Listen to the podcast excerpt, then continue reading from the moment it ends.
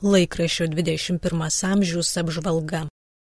Naujausiame laikraščio 21 amžiaus numeryje Mindaugas Buika apžvelgia popiežiaus pranciškaus susitikimą su jį aplankiusią daugiau kaip 200 Italijos miestų merų delegacija.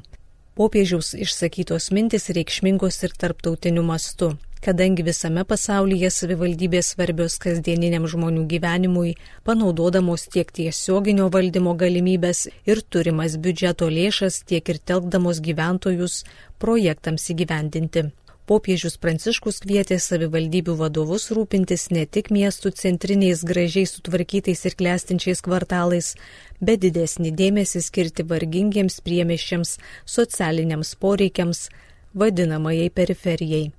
Jis priminė Evangelijos periferijų svarbą, kadangi mūsų išganytojas gimė Betlėjus tvartelėje, o mirė už Jeruzalės sienų kalvarijoje. Visi svarbiausi su mūsų tikėjimu susiję įvykiai atsitiko miestų pakraštyje, skurde ir kančioje. Aš mėgstu kartoti, kad viską geriau matai iš periferijos, ne iš centro, bet iš periferijų, aiškino šventasis tėvas. Jūs dažnai sužinote apie tragedijas, kurios patiriamos nualintuose priemešiuose, kur socialinė nepriežiūra sukuria smurtą ir atskirtį. Taigi dėmesys pakraščiams nereiškia, kad kažkas bus atstumta ir nepaisoma. Tiesiog tai vadovavimo metodo parinkimas, kuris reiškia nelaikymasi kokios nors ideologijos, o supratimą, kad siekiant tarnauti visų labui, bendrajai geroviai reikia pirmiausia rūpintis didžiausiais vargšais. Šventasis tėvas kvietė nepamiršti ir įvairaus pobūdžio lupikautojų apgavikų ir spekuliantų, kurie tiesiog beldžiasi vargstančių gyventojų duris, dar labiau juos išnaudodami. Iš tiesų, kai matome vargstančiųjų veidus, suprantame, kad nepakanka tik perduoti jiems maisto siuntinį. Jų orumas reikalauja darbo. Patikimiausias būdas atimti iš asmens orumą yra jo nušalinimas nuo galimybės dirbti ir užsidirbti. Kuningas Vytenis Vaškelis primena, kad artėja gavienė ir kviečia pasninkauti. Laikraščio 21 amžiaus priede abipus Nemuno reportažai apie vasario 16-osios minėjimą įvairiose Lietuvos vietose. Birutė Nenėnė rašo, kad burys Pilviškių ir Paežerių kaimo gyventojų vasario 16-ąją šventė tautiškos giesmės Lietuvos gimno autoriaus Vinco Kudirkos tėviškėje. Šakių rajone, kur yra trijų signatarų - Saliamono Banaičio vyskupo Justino Staugaičio ir Jono Vailokaičio tėviškės - surenkti pėsčiųjų ir dviratininkų žygiai į jas. Įspūdingiausias būna žygiavimas per sunkiai išbrendamą dumblyną į Vaitiekupių kaime esančią Saliamono Banaičio tėviškę.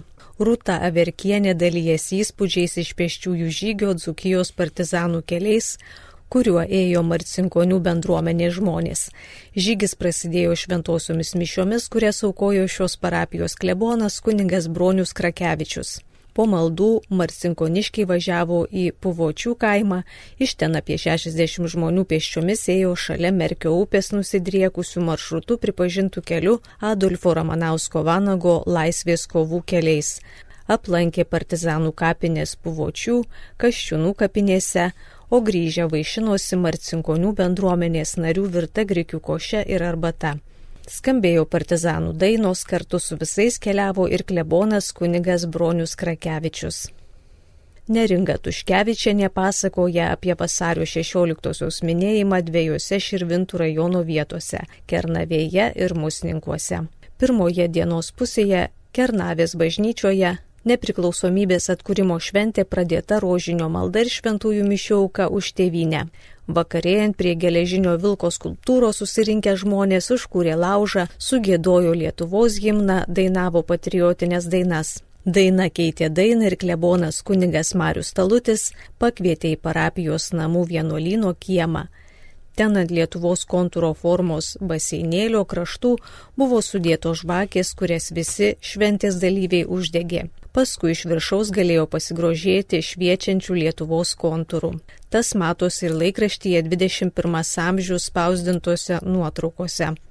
O kitas minėjimas musninkuose svarbus tuo, kad čia paskutiniuosius savo gyvenimo metus praleido vasario 16-osios akto signataras kunigas Alfonsas Petrulis, čia miręs, kai jam te buvo 55 metai.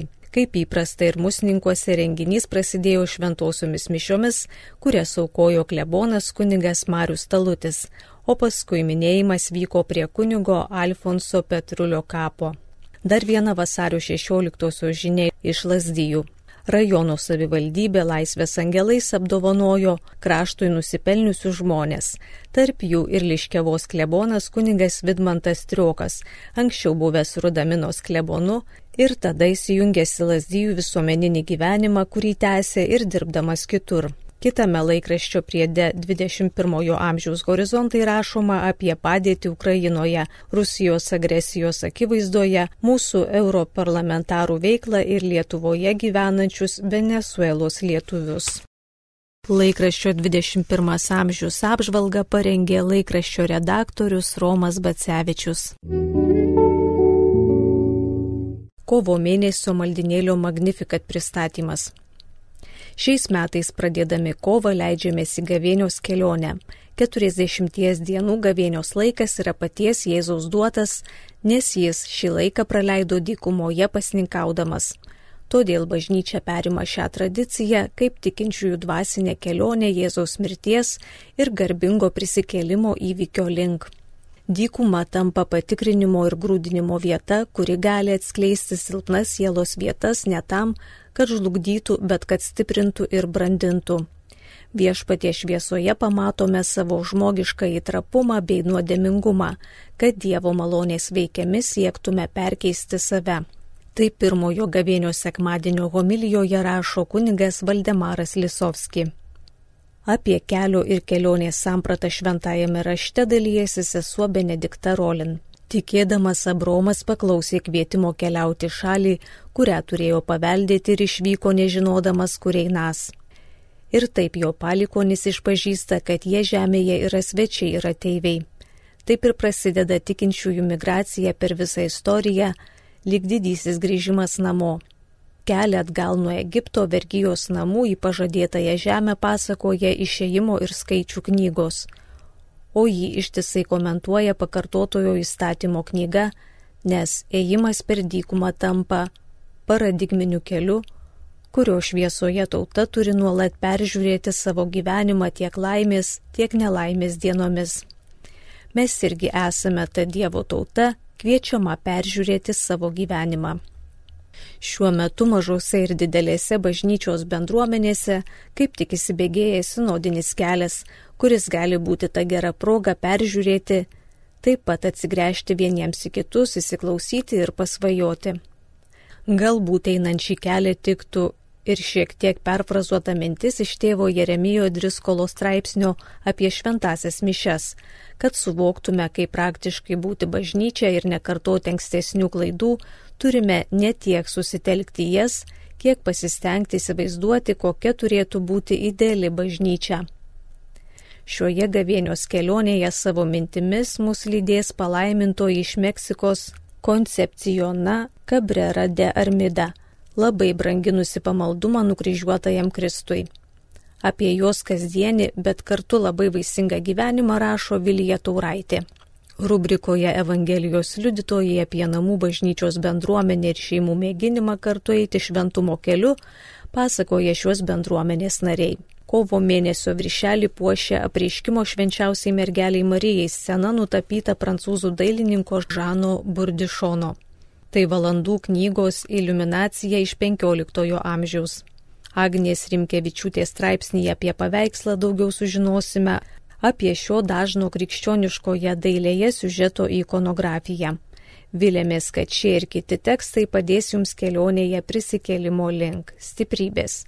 Linki Magnificat redakcija. Magnificat vaikams kovo balandžio mėnesio pristatymas. Mėly vaikai, tėveliai, katechetai ir ugdytojai. Pelenų dieną pradedame gavėnios kelionę kuri svarbi, kad pasiruoštume džiugiai ir mums krikščionims svarbiausiai metų šventai Kristaus prisikėlimui. Šventųjų tėvų raštuose apie gavienę kalbama kaip apie sielos pavasarį. Tai reiškia, kad siela gavienios metu gali pražysti vairiais žiedais, tai yra dorybėmis. Pasninkas, jį lydinti malda, atgaila ir santykis su Dievu bei meilė artimų yra priemonės, kurių dėka išsiskleidžia mūsų sielos. Apie gavienę kaip sielos pavasarį pasakojo ortodoksų kunigas tėvas Vitalijus Mockus. Su juo bei evangelikų reformatų ir graikų katalikų kunigais kalbėjomės apie Velykų šventimą jų bendruomenėse. Ar svarbu, kad Velyką skirtingose tikinčiųjų bendruomenėse švestume tą patį sekmadienį? Juk ne kasmet taip sutampa. Kokios yra šių bendruomenių Velykų apėgos bei tradicijos? Ar teko girdėti, kad ortodoksų kunigai švestų Velykas kartu su katalikais, liuteronais ar evangelikais reformatais? Skaitykite apie tai šio numerio temoje. Per Velykų apeigas kai kurios bendruomenės skaito Šventojo Jono auksaburnio homiliją. Anot Jono Velykų neįmanoma apsakyti. Jis kalba cituodamas ir Šventojo Paulių žodžius.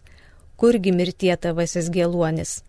Prisikėlė Kristus ir tu nugalėta, prisikėlė Kristus ir įsiviešpatavo gyvenimas. Šveskime ir dėkojime su šventomis Velykomis Kristus prisikėlė girdėjome Magnifikat vaikams antrojo numerio skirto kovui balandžiui pristatymą.